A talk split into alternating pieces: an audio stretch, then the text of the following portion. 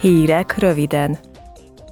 Az Állampolgári Jogi, Bel- és Igazságügyi Bizottság, valamint a Nőjogi és Esélyegyenlőségi Bizottság tagjai holnap azokról a szabályokról fognak szavazni, amelyek a nőkkel szembeni erőszakot és a kapcsolati erőszakot hivatottak megfékezni.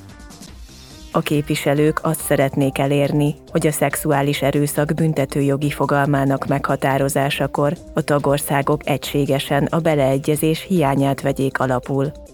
Egyúttal az uniós jog szerint bűncselekménynek minősítenék az online erőszakot, és ezen belül az intim tartalmak beleegyezés nélküli megosztását.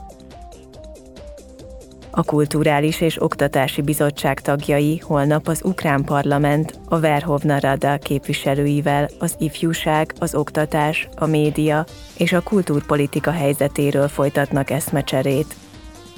Az azonnali szükségletek felmérésén túlmenően megvizsgálják a további együttműködés lehetőségeit, különös tekintettel az uniós tagságra pályázó Ukrajna szabályainak közelítésére. A Parlament Gazdasági és Monetáris Bizottsága holnap nyilvános meghallgatást tart Andrea Enriával, az Európai Központi Bank felügyeleti testületének elnökével. A kiemelt témák egyike a bankszektor jövője.